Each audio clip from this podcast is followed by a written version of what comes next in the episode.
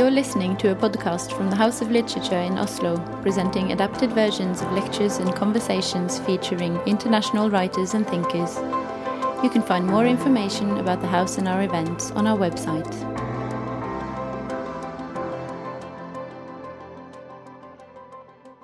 Good evening, everyone, and welcome. Tonight's event kicks off our brand new series dedicated to questions of censorship and freedom of speech called Forbidden Books. In this series, invited lecturers will give insights into the his histories of censorship and discuss its effects today, highlighting contemporary issues and persisting challenges. In addition to this series of lectures, the House of Literature is also releasing a digital anthology in which we've invited six prominent authors to reflect on freedom of speech and its challenges to writers. The anthology, titled Cries and Whispers, features, among other authors, Thorvald Steen, Ahmet Altan, and Joyce Carol Oates.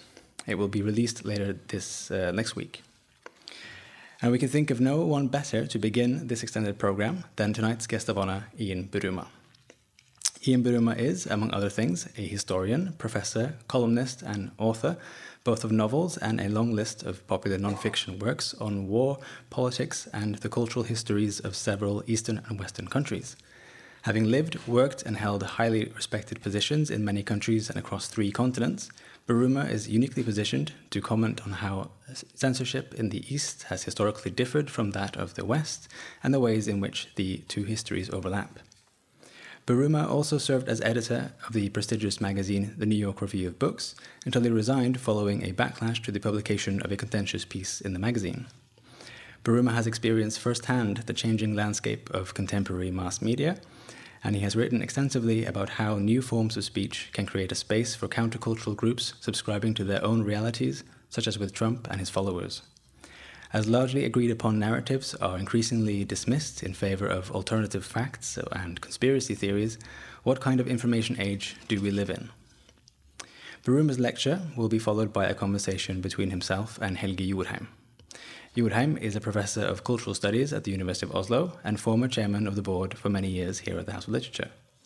He is the author of several books on the on 18th century Europe and is currently working on a book about Berlin out in end of October. But first, welcome to the podium, Professor Ian Buruma.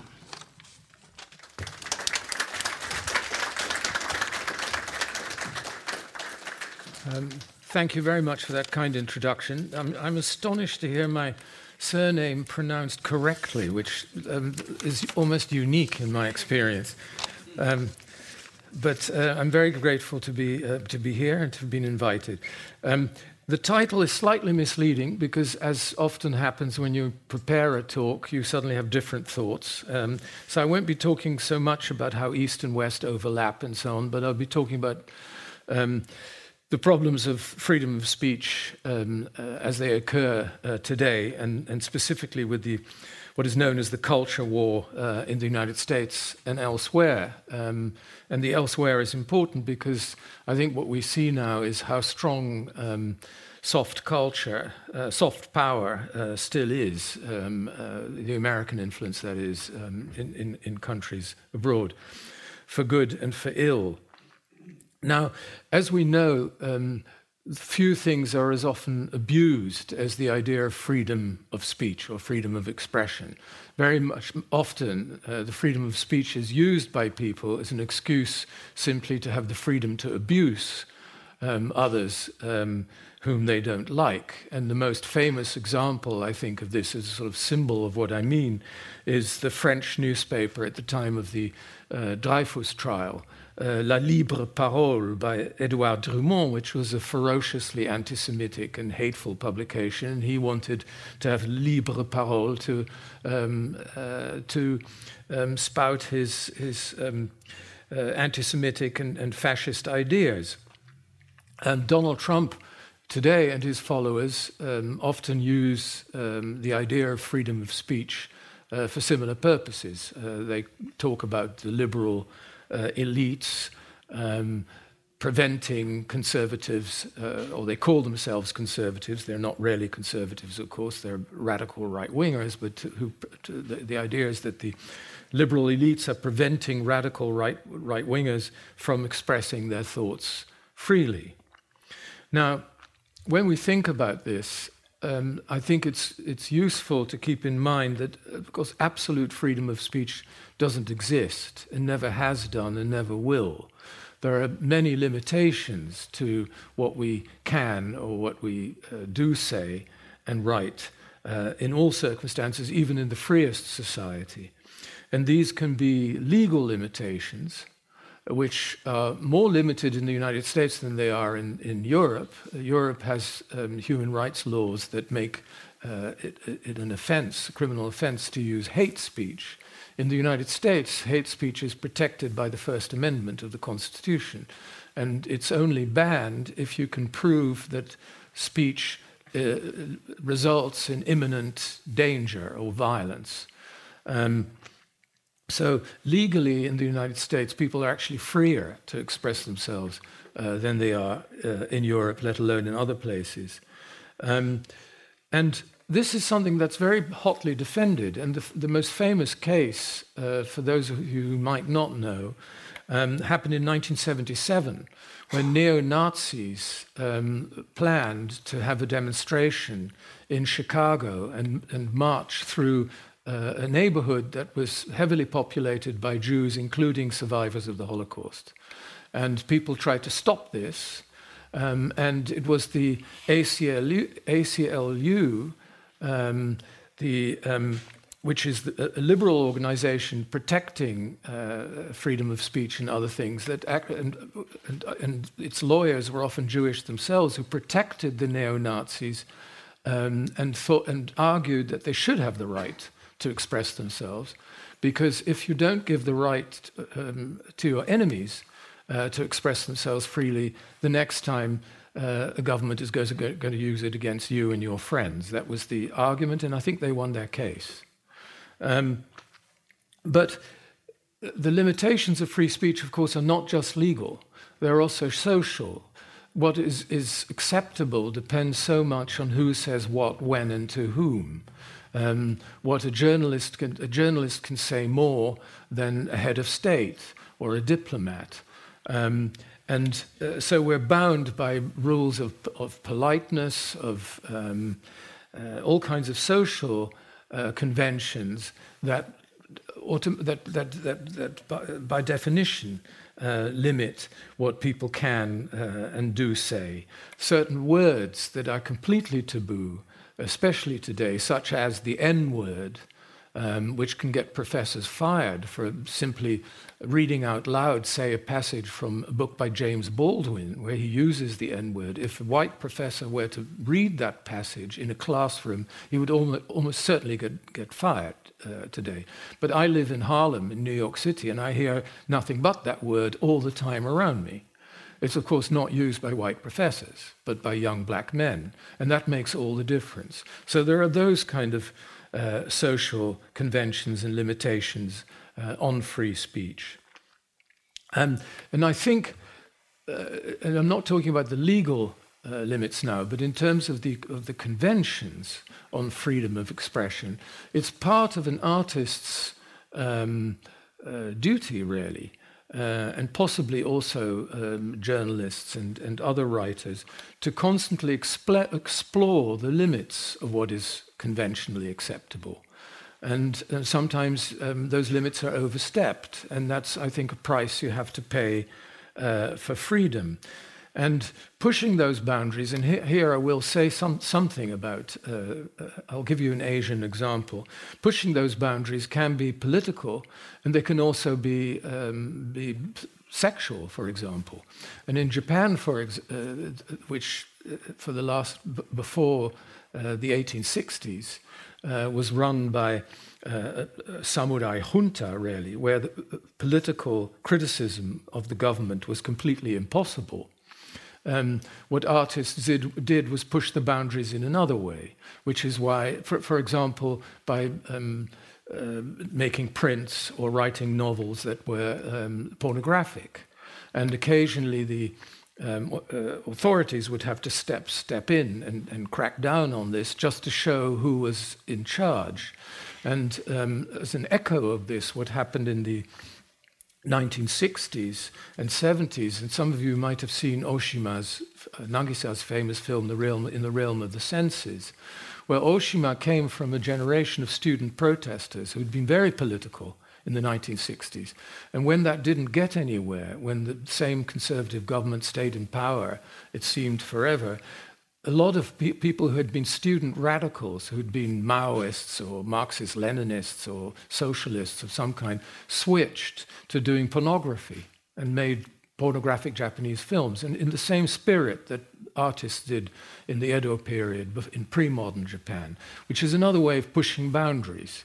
If you can't do it politically, then see where the boundaries are sexually or socially. Um, to come back to Europe, um, a famous uh, or notorious to some example of, of, pushing the boundaries happened in the country where I was born and grew up. Um, uh, the film made by uh, Theo van Gogh uh, called Submission uh, written by Ayaan Hirsi Ali, the Somalian, or formerly Somalian um, woman who became a politician in Holland and now lives in the United States. And submission was meant to be deliberately provocative. It was a protest against the way that women are discriminated against uh, in the Islam, and it had naked women with Quranic texts um, written on their backs and that kind of thing. And of course, it led to, uh, well, not of course, but it led in the end to the murder by uh, a radicalized young um, Moroccan Dutch um, uh, activist uh, who murdered Theo van Gogh for having offended uh, or blasphemed and offended the, the Muslims. And the, to some liberals, misguided, uh, in my view, didn't defend the murder, but did attack Theo van Gogh and Ayaan Hirsi Ali by, by claiming that you cannot cause offense to uh, a vulnerable mi- minority uh, such as the Muslims uh, in Europe today. And uh, it led to a very heated debate. And in my view, um, people tend to pay too little um, attention to uh, what is a clear difference between giving offense and insulting. Giving offense is having expressing an opinion or a work of art or anything that happens to offend certain people. So offend the sensibilities of religious people, whether they're Muslims or Christians or anything else, or political views, uh, anything of that sort. But it's not meant to hurt those people, it, it happens to hurt those people as the effect of what you're saying. Insulting is always deliberate, which is a very different thing. And I think um, we should be careful about insulting people, obviously. We should perhaps give more leeway to um, expressions uh, that might offend. And, and just the fact that something can cause offense should not be a reason to stop it, let alone ban it. Um, perhaps uh, the best illustration um, I can think of of this idea that people have to be safe from offense um, is a very recent case of an American artist, a painter called Philip Guston, um, who did paintings that were meant, clearly meant, to be um, um, uh, an attack, a criticism of American racism. And he used, in a sort of satirical way, figures of uh, members of the Ku Klux Klan in his paintings. And um, uh, there was going to be a, a, a, big show of his paintings in the United States as well as the Tate Gallery in London, and it was felt that uh, the images themselves could be taken as an offense to, by um, black people and others, uh, and therefore they would feel unsafe, and therefore the show had to be cancelled. Now, this seems to me uh, uh, uh, to have been a very bad idea. It's now being, and, and, there was so much criticism that it's now being revived, and it is the show is going to take place in the United States in the Tate Gallery. But people who go there are now reassured by the organizers of this exhibition that there will be trauma specialists on site who can make sure people don't feel unsafe or traumatized or offended by the experience. This is how far we have uh, gone. And I think th- this brings me really to the main uh, point I want to make, which is that feelings now, especially uh, in America with, with, its long tradition of uh, having a sort of therapeutic culture, that feelings have become more important than reason. If feelings are offended, um, people have to be protected. This is the, the notion. And the repercussions for offending feelings are not legal usually, but they are social and professional. You've probably read at the time the case in 2020 where the editor of the opinion page of the New York Times uh, was sacked because he ran an article by uh, a right wing senator called Tom Cotton. Um, uh, who said that the police should be much harder, should crack down hard on Black Lives Matter demonstrations. And it was important actually to publish this article because not only was Tom Cotton an influential senator, but he was also, uh, at the time, going to be a presidential candidate or had those ambitions. So you could argue we should know what these people think. But uh, such was the outrage, uh, not only outside the New York Times, but inside the New York Times from colleagues and others that, who said that this was offensive, that made, made them feel unsafe, and so on and so forth, that the editor um, had to go. Another example, uh, in 2022, um, a professor of art history um, was fired by his academic institution for having shown a 14th century Persian painting uh, of the Prophet. One Muslim student complained that this offended uh, his or her, I cannot remember, but um, religious sensibilities. Institutions being as they are, cowardly, sacked the professor this was later um, uh, rescinded, but nonetheless, uh, this happened. And the idea is always that what is harmful to people's feelings um, has to be avoided uh, at all costs. And the problem is with this is that you cannot really argue with feelings. Um, feelings are not receptive to reason. They're t- there are two different categories. And when religion comes in, it becomes particularly um, problematic, as they say, because religion is so often const- constitutive of identity. It's not just a, a, religion is not a matter of opinions; it's a matter of belief, and the, and the, that belief is very much part of who you think you are. So it's very um, you're very easily uh, offended. But dismissing uh, religious belief with rational arguments is really missing the point too, because the whole the whole idea of something um, that you that you you be- deeply believe to be sacred is not something that's open to debate or, or, or, or reason anyway. And I think this notion that what people hold sacred, what people feel is sacred, sacred, um, should be protected uh, against any kind of criticism, I think has come back in the cultural wars of today in a secularized form. And I believe it, it, it often has the whole um, ritual of public apology and uh, so on, um, which we've become very familiar today, I think has deep Protestant roots. Much, much, it's much less prevalent, I think, in Catholic countries, in southern, less prevalent in southern Europe than in northern Europe.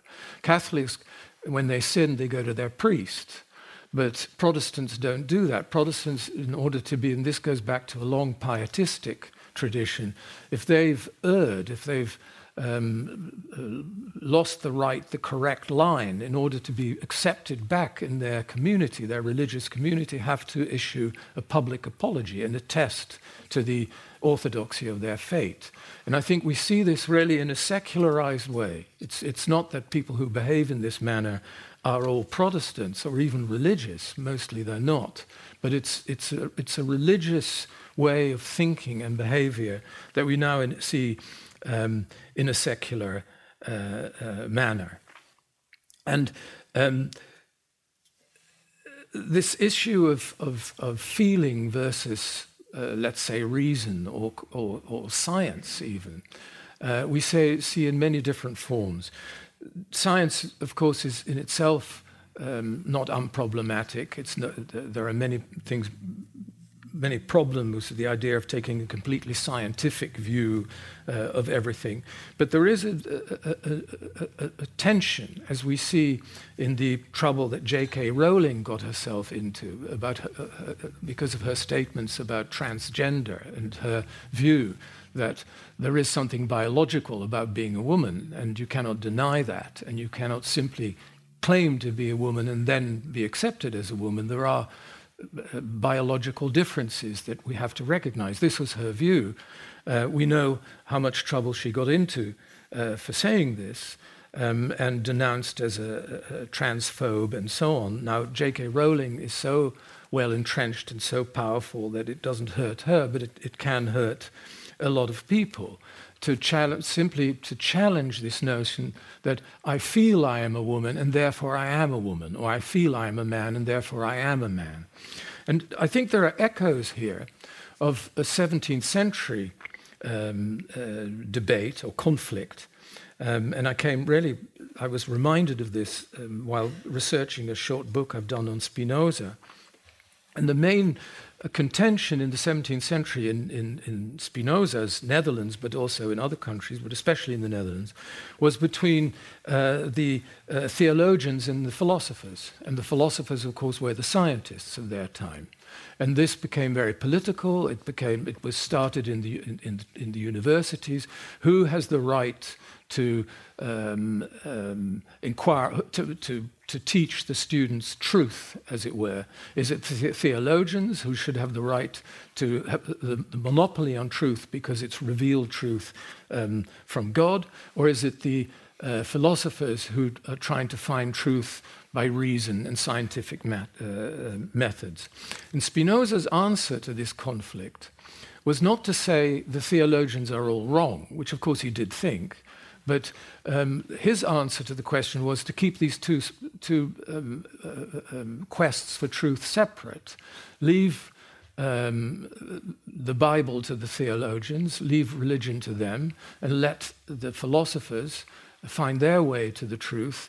Um, and, um, and, and let both sides be free. So don't, and I think we can learn from this by saying, don't deny people's feelings. If somebody says, they're a woman or a man because they feel that they're a woman or a man, whatever their bodily functions may be, we can respect it perfectly well, but let's not confuse it with biological differences. There, there are two different ways, perhaps, uh, of looking um, at gender. And I, I'm very skeptical about the idea that education um, uh, has as a task, or educators has a, have as a task, to make students feel safe or comfortable. Um, one's task, and that's true of, of, any writer, any journalist, whether it's an, any writer of fiction or non-fiction, any artist, is to make uh, people think and not simply to um, make them feel safe, to make people think and make them feel uncomfortable. And this is again a price you, you, you have to pay for the freedom of inquiry. And the point of art and literature, of course, is also to make you feel. But um, the, the, the, inspiration for people to, to think for themselves, I think, is enormously important. And uh, causing offense is the risk we have to take as the price of, of freedom. And I think that the safety from offense um, is an enemy of reason. Now, many people would argue with me, having said these things, that surely uh, right wing censorship um, banning books, burning books, taking books out of libraries, putting polit- political pressure on um, uh, educational institutions and so on um, that have um, books that don't fit the religious or right wing or conservative agenda uh, should be banned and so on. They have more political power, so they're more dangerous. That is probably true. I think right wing censorship, as it's taking place uh, in the United States and probably elsewhere, um, is uh, politically at this point more dangerous than the left wing progressive uh, variety of this kind of thinking. Um, but I would say we should criticize our own side, as it were, the progressive liberal uh, side, because what is happening uh, more and more is that the right wing is simply mimicking the attitudes of the left. So, what the left calls harmful because it harms the, or offends the feelings of Muslims or other minorities, whether it's gender or race or, or anything else, the right will mimic that and say it's dangerous. So you'll have right wing politicians in Florida who insist that books have to be banned because they hurt the feelings of white people, for example, or they hurt the feelings of American patriot, patriots.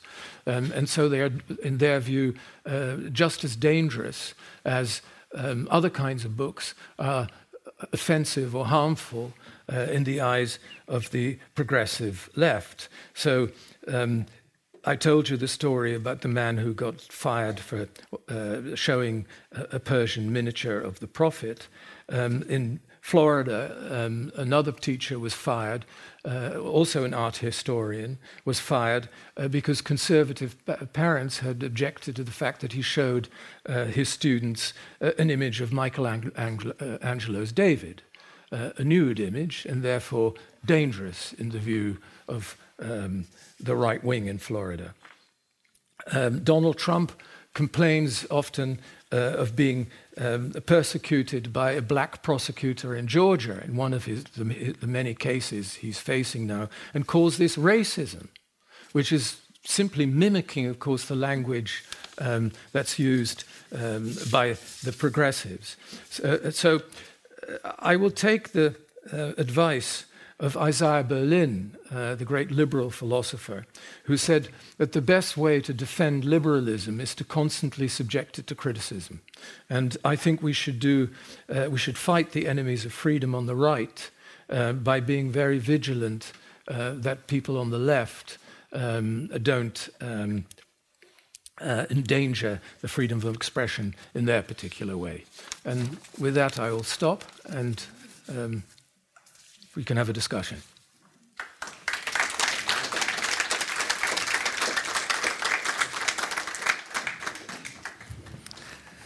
Great, thank you.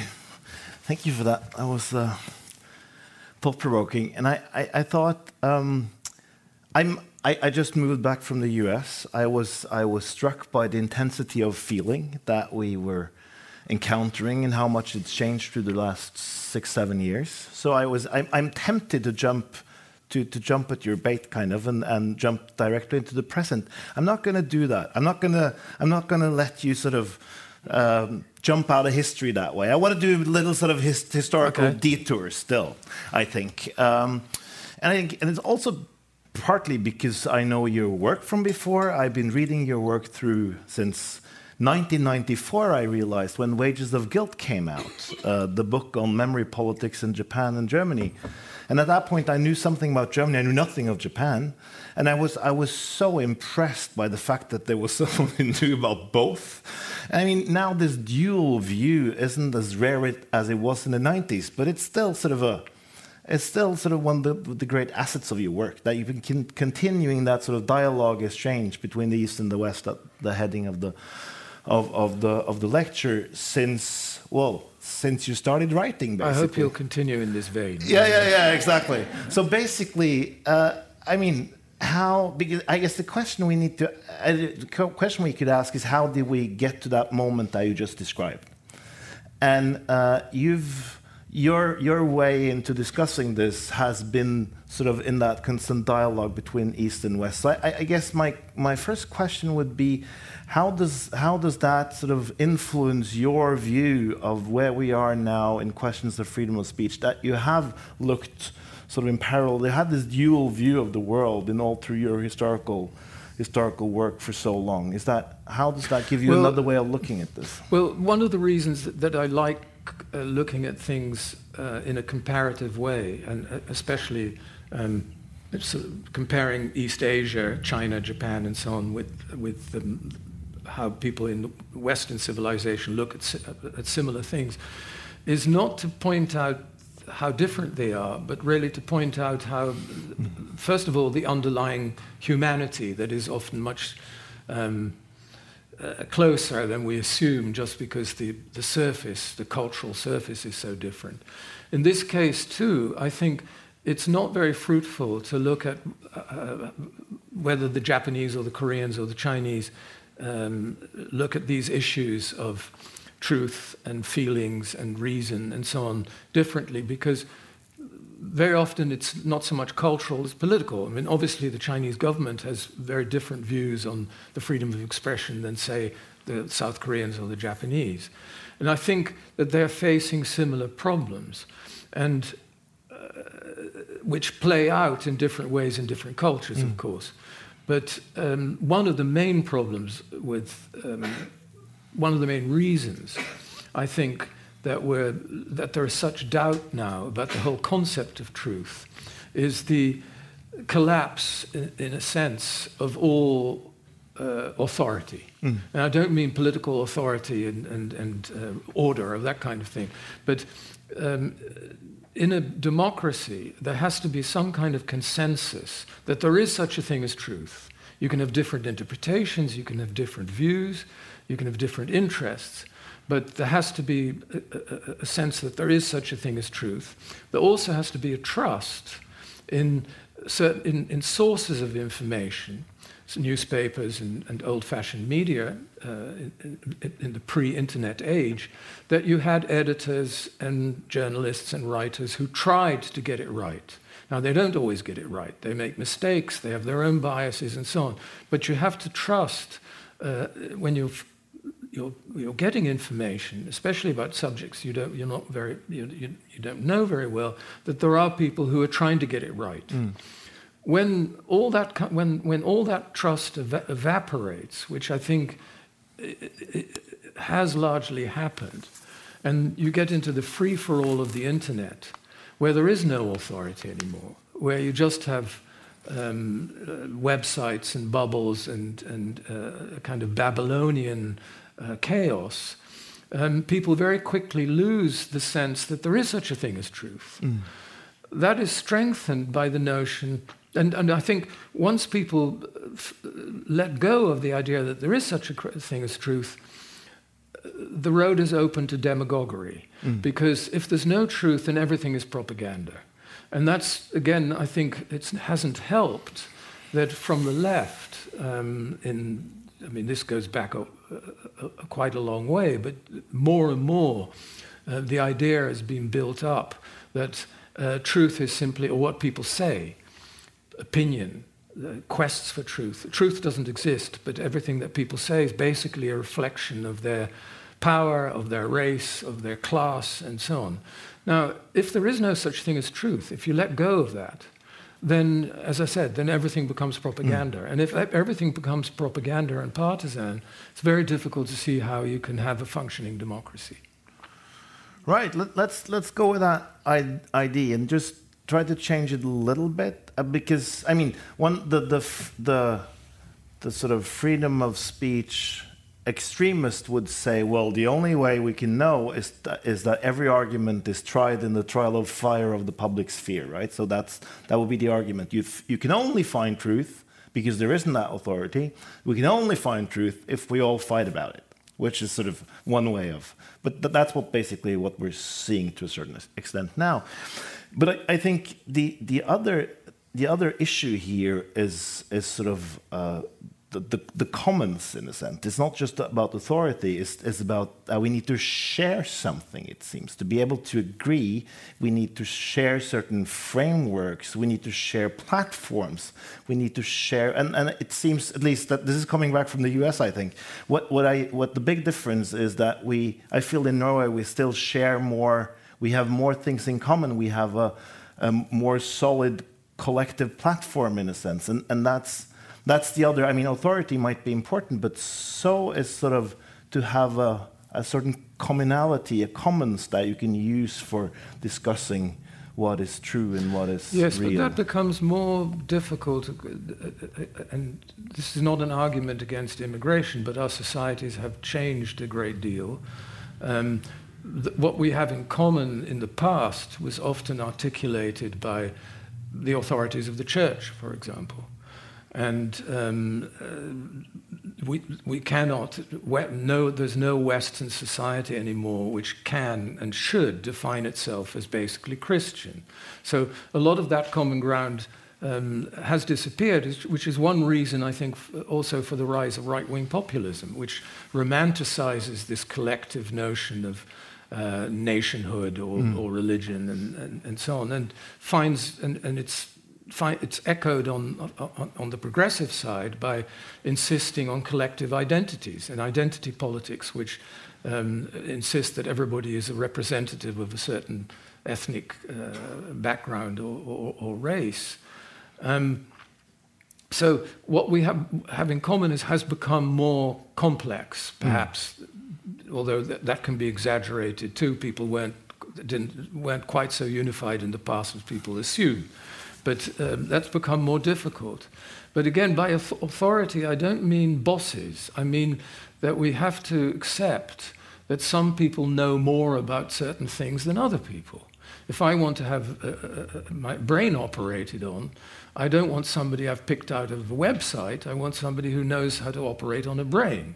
And um, that kind of that that is now associated often with elitism and so on. But I think that, that it's it's dangerous if we uh, completely let go of that, and if we say, well, the popular argument wins. I mean, everybody can say whatever they like, but um, in the end, it's the it's the public that decides.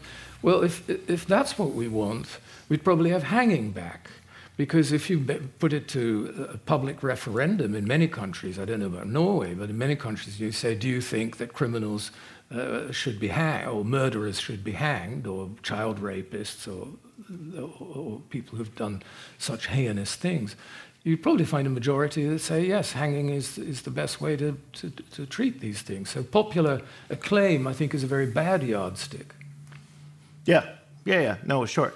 But so so would sort of restoring church authority be, I, I guess, Indeed. in a sense. Uh, so, but but a key word here, obviously, is, is trust. So how do you how do you rebuild trust when you're not, for any reason, or or rebuilding Christian authority or any kind of authority that would look like that. I mean, we've gone through secularization for a couple of centuries.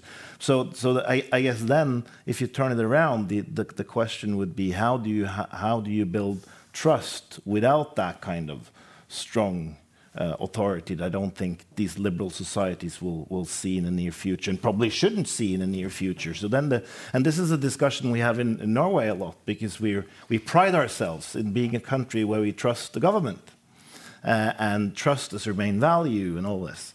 And that means that every time trust comes up as something that is, as, that is threatened, it, it, it, feels like it threatens very much the sort of the soul of the Norwegian nation in a certain way, right?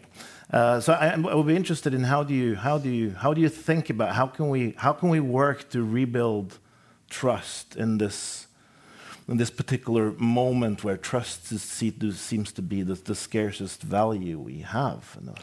Yeah, that's a very good question to which I, I don't have a glib answer. I would be. I, I, I, I think it is. I think I think it is the question, yeah. And um, uh, much of what we see now is a result of things that people of my generation, just my generation, people a little bit older than me, really, but my generation were applauding. So in the late 1960s, 1970s, we applauded the fact that organized religion was collapsing. So the authority mm-hmm. of the church sure. was no longer uh, there. We, we thought this was a great thing. Uh, we applauded more egalitarianism. We applauded all kinds of things. And of course, thing, things you applaud for very good reasons. I still think we were right to impl- applaud it. Mm. But things that you applaud, that you think that you thought were very good, can have unintended consequences, which throw up new problems. Mm. And um, the lack of trust in elites and in, in the authority of experts and politicians and so on uh, goes back to the days that we thought we should um, basically um, uh, overthrow all forms of authority, mm. which mm. was the, the, the, what, what the educated youth in the 1960s wanted. But once you do that, you have another problem, mm. which is what we're facing now. Now, how to fix the problem, I've never been very good at um, figuring out. It's not the work of the historian, maybe. I don't know. I just wanted to see if we could historicize this moment in a, in a slightly different way. And, um, and this is partly because everything in this room will know that, that, and you're probably aware also that the Danish government is trying to, to ban burning the Quran by, by legal means, right? That's Right. what they work to do. And, and I, I They want I- to ban the burning of the Quran. Right, Yeah. right. Okay. uh, and and then it's it, it got me thinking and, and what you've been writing about before and got me thinking about this the, the burning of books um, which is which is and, and as as a Germanist the burning there's the burning of books is in 1933 Berlin obviously that was burning of books because you wanted to protect the, the body politic of the German people against certain influences Right. and, well, and Heinrich Heine already talked about that. Exactly, in, in 1817 in the Wartburg. So there's is there a, is there a history? So it seems book burning can be sort of uh, obviously a tool of censorship, but now we're discussing it as a tool for for protection again. Uh, or for uh, to avoid it as a tool for protection. So I just wonder: is there a story to be told about how how the burning of books can can work in different ways according to censorship and, and, and freedom of speech. Well, burning of books, of course, is always bad. The question is, why do people want to burn books?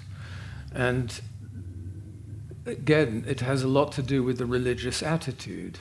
If, if you hold, hold something sacred, something that challenges what you think is sacred, uh, is very frightening and has to be banned. Um, and, it's, and then you get the, the, the phenomenon of iconoclasm, iconoclasm the idea if that, that you, if you're afraid of, an, of another faith uh, or something that challenges your, deep, your deepest faith, you destroy the symbols of it. Now, in the case of the Reformation, it was destroying things in, in Catholic churches and, and, and smashing saints and that kind of thing. Burning books, of course, is a, is a version of this. But we, again, we see a, it's, it's been secularized in the sense that why do um, uh, certain progressive people, that, just to use that awful word which I try to avoid, who, who think of themselves as woke, want to ban certain books or images, not necessarily burn them, but ban them from the classroom and so on. It's that uh, certain ideas on gender and race and sexuality and so on, they're, they're no longer religious in the sense that they're Christian or Muslim or anything else, but those ideas have become a kind of dogma that, has, that is quasi religious, that is a question of deep belief. Mm. And so anything that challenges so, something that is so deeply believed has to be banished. So that it's more than, than feelings that are hurt. It's, it's, it's, a, it's a secularized form of religious thinking about, um, um, about public discourse and, and, and intercourse. And coming back to the 1960s, I think a lot of what you see now with people, who, young people, people of student age, who get very upset by um, views on sexuality uh, in particular, that in the 60s were held to be completely normal.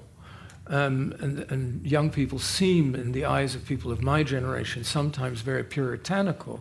But that again is, I think, still part of a reaction against this notion of my generation that we sweep all, that everything is okay, you just get rid of all boundaries, let's be free, and so on. Free sexuality should be completely free, and all that.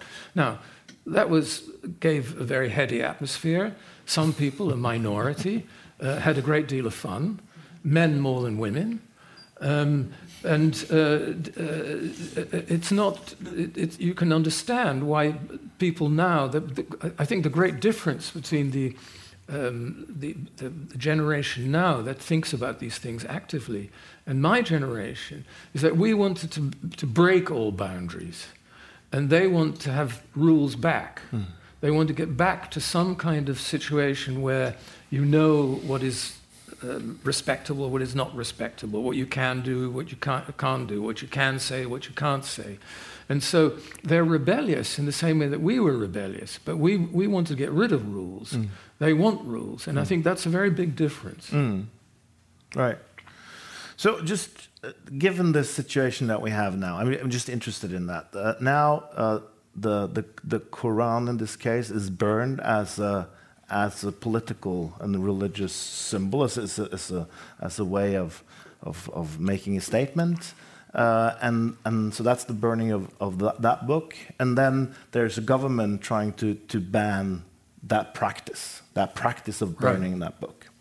So, how, how do we historicize that particular situation, you feel?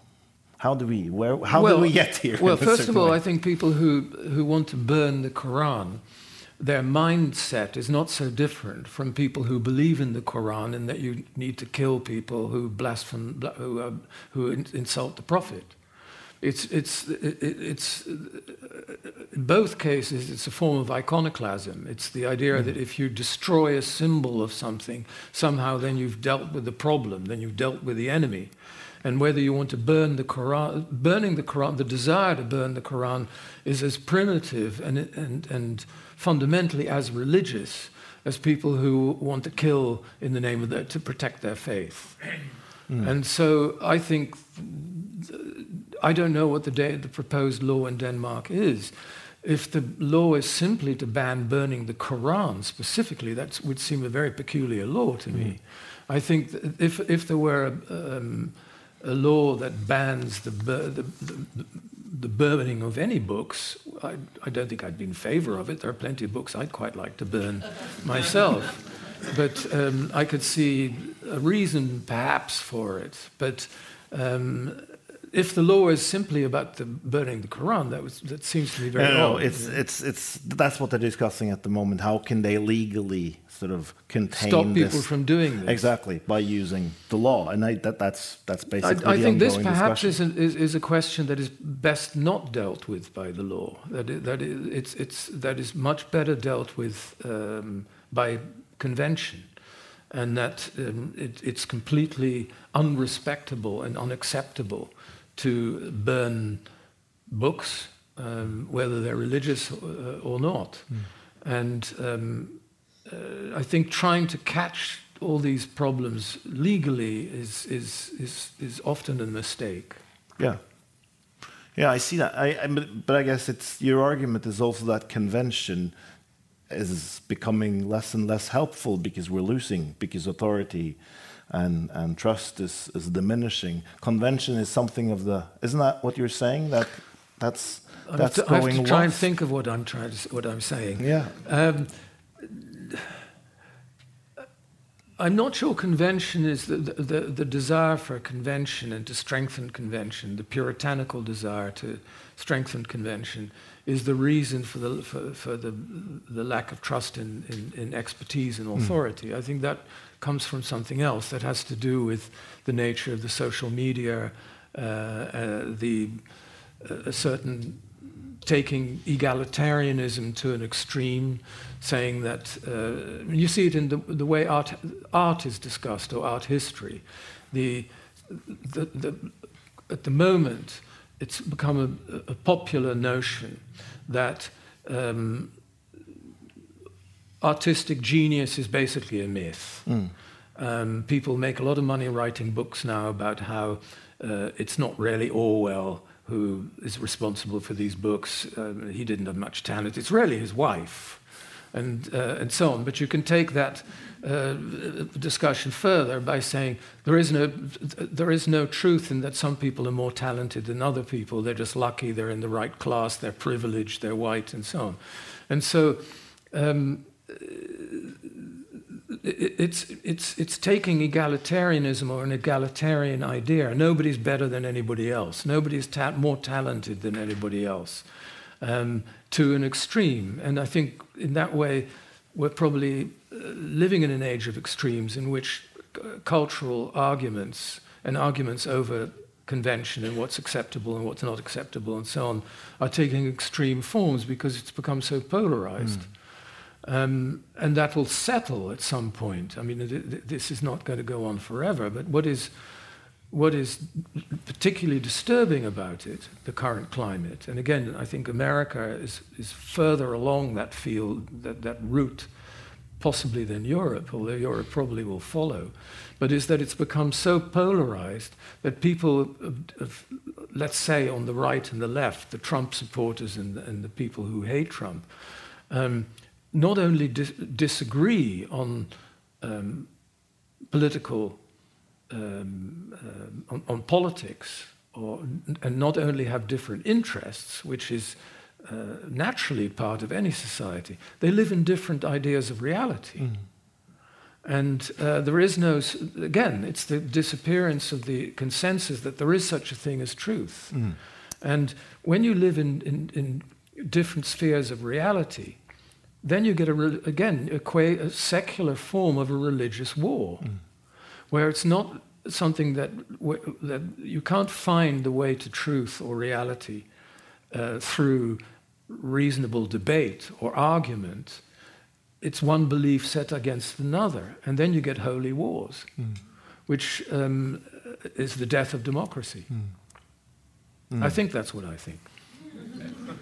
So, just to, to his to do one more attempt at historicizing. I, I, I, living in Baltimore last year, I was passing this, this pedestal where there's been a statue of Robert E. Lee and Stonewall Jackson, two, two South generals sort of fighting for, for, for slavery, both slave owners, that had been torn down. And, and it sort of uh, reminded me that there's, there's some work to be done, there's some fights to be had, right? That has to do with colonialism and mm -hmm. race. Uh, and these, these fights seems to end up in the maelstrom of, of all these issues you've been talking about. But they're still, to me, uh, at least, extremely important fights. And, it, and, and very much what you, what you see in the US in a city like Baltimore, well, they haven't been taken. They're, these, these fights are overdue.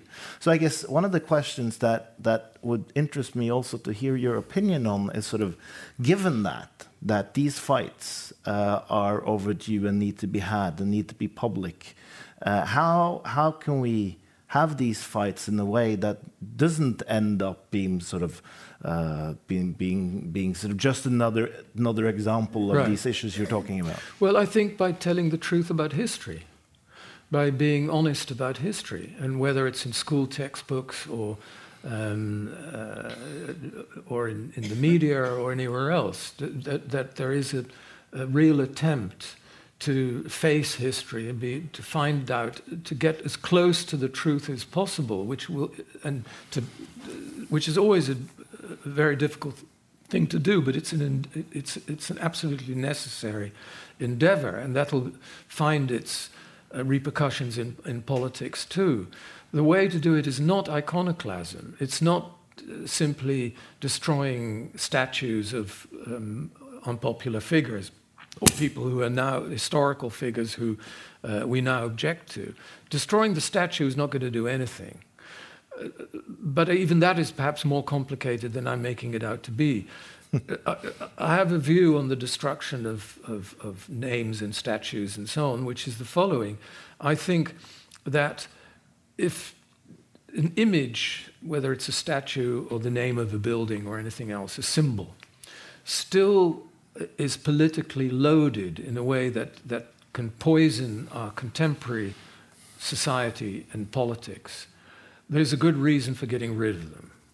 So, uh, as an example, symbols of the Confederacy in the south of the United States are probably better to get rid of because they still have real political, uh, they're still loaded with, with politics. It's a live issue.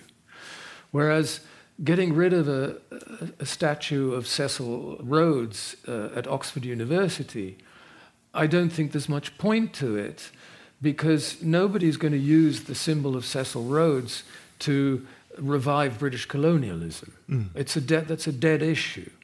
So to, to, simply get rid of statues of everybody who in the past may have had something to do with slavery or the sugar trade or something like that, I think is, is, is rather useless. Mm.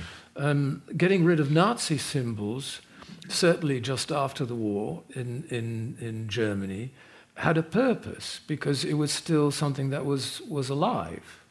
And so uh, there to get rid of these symbols um, uh, was useful. Um, probably after 1989, getting rid of most um, communist or certainly Stalinist symbols was useful too. But there are many cases in which I think it's, it's just a form, it's a performance which has no um, particular um, uh, use. Mm. Then again, you don't always know, do you?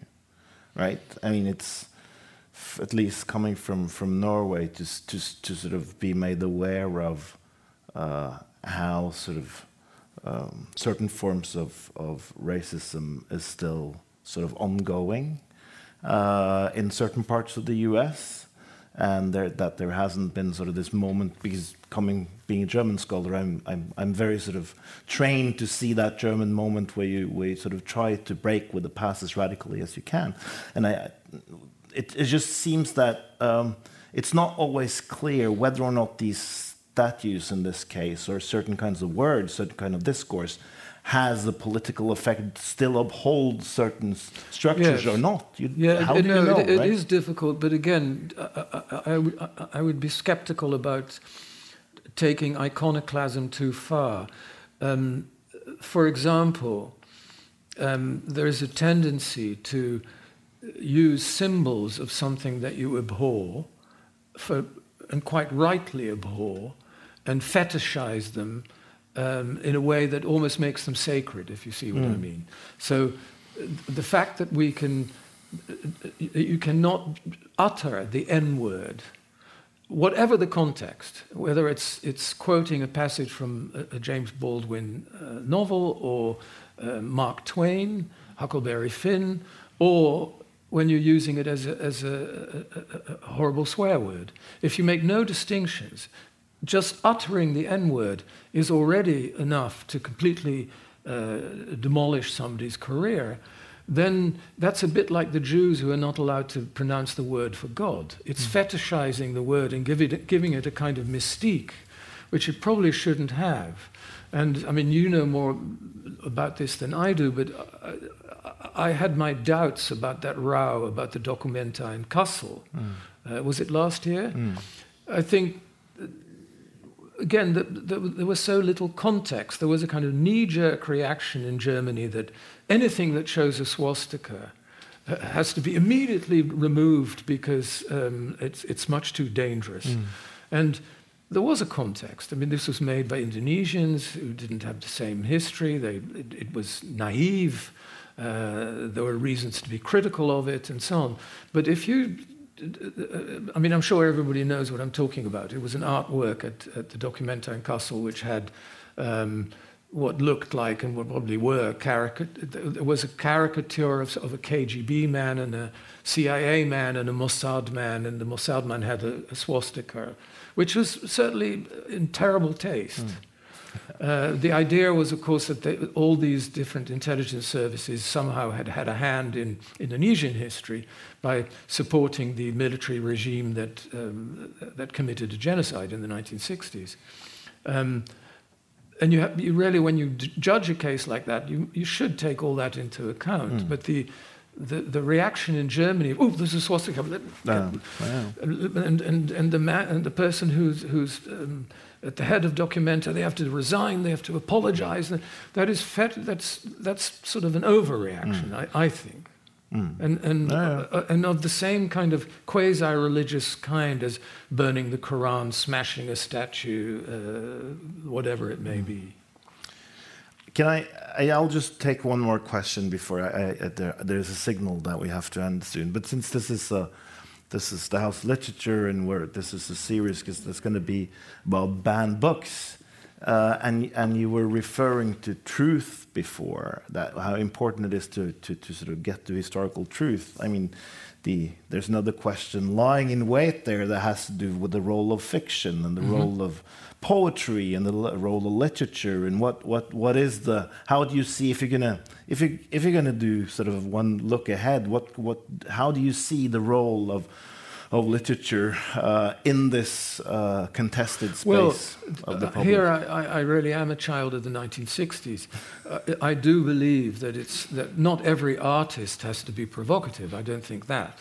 I mean, you, beautiful poems can be written about the beauty of a rose, but uh, an art, part of or, part of artistic endeavor is to to push boundaries, to see how, to, to, to, to, to explore the limits of what is respectable and what is not respectable, of social convention and so on. You have to have the freedom to offend, uh, to sometimes cross those boundaries, uh, to dare to experiment and explore, and sometimes in a provo- provocative way. I think that the current climate, the current culture war, will have as a result, again, maybe more in America than elsewhere, of a period, and, and everything changes and nothing remains the same. So it will be a period, a period of a very timid, um, moralistic, artistic culture, which will be of very little interest. Because in the 50s, uh, 40s, 50s, and 60s, um, or f- probably for a long time before, what an artist had to be afraid of, the enemy of, of a provocative artist was usually the church, it was uh, conservatism, convention, and so on. Now your enemies are right inside your own world of publishers, museums, foundations, universities, and so on, which used to be areas of relative freedom. Now they're the ones who are trying to, who are cracking down out of fear of being cancelled, criticized, subjected to uh, storms on Twitter, and, and so on and so forth, losing their jobs, all that kind of thing. And so artists are, are going to be fearful. And fear is, the, is, is terrible for good art.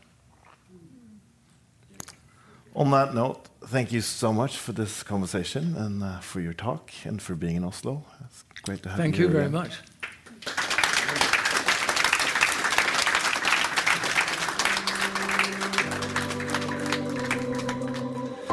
You've been listening to a podcast from the House of Literature in Oslo, presenting adapted versions of lectures and conversations featuring international writers and thinkers. You can find more episodes and subscribe to our podcast on iTunes, SoundCloud, and our website. The music is by Apotek.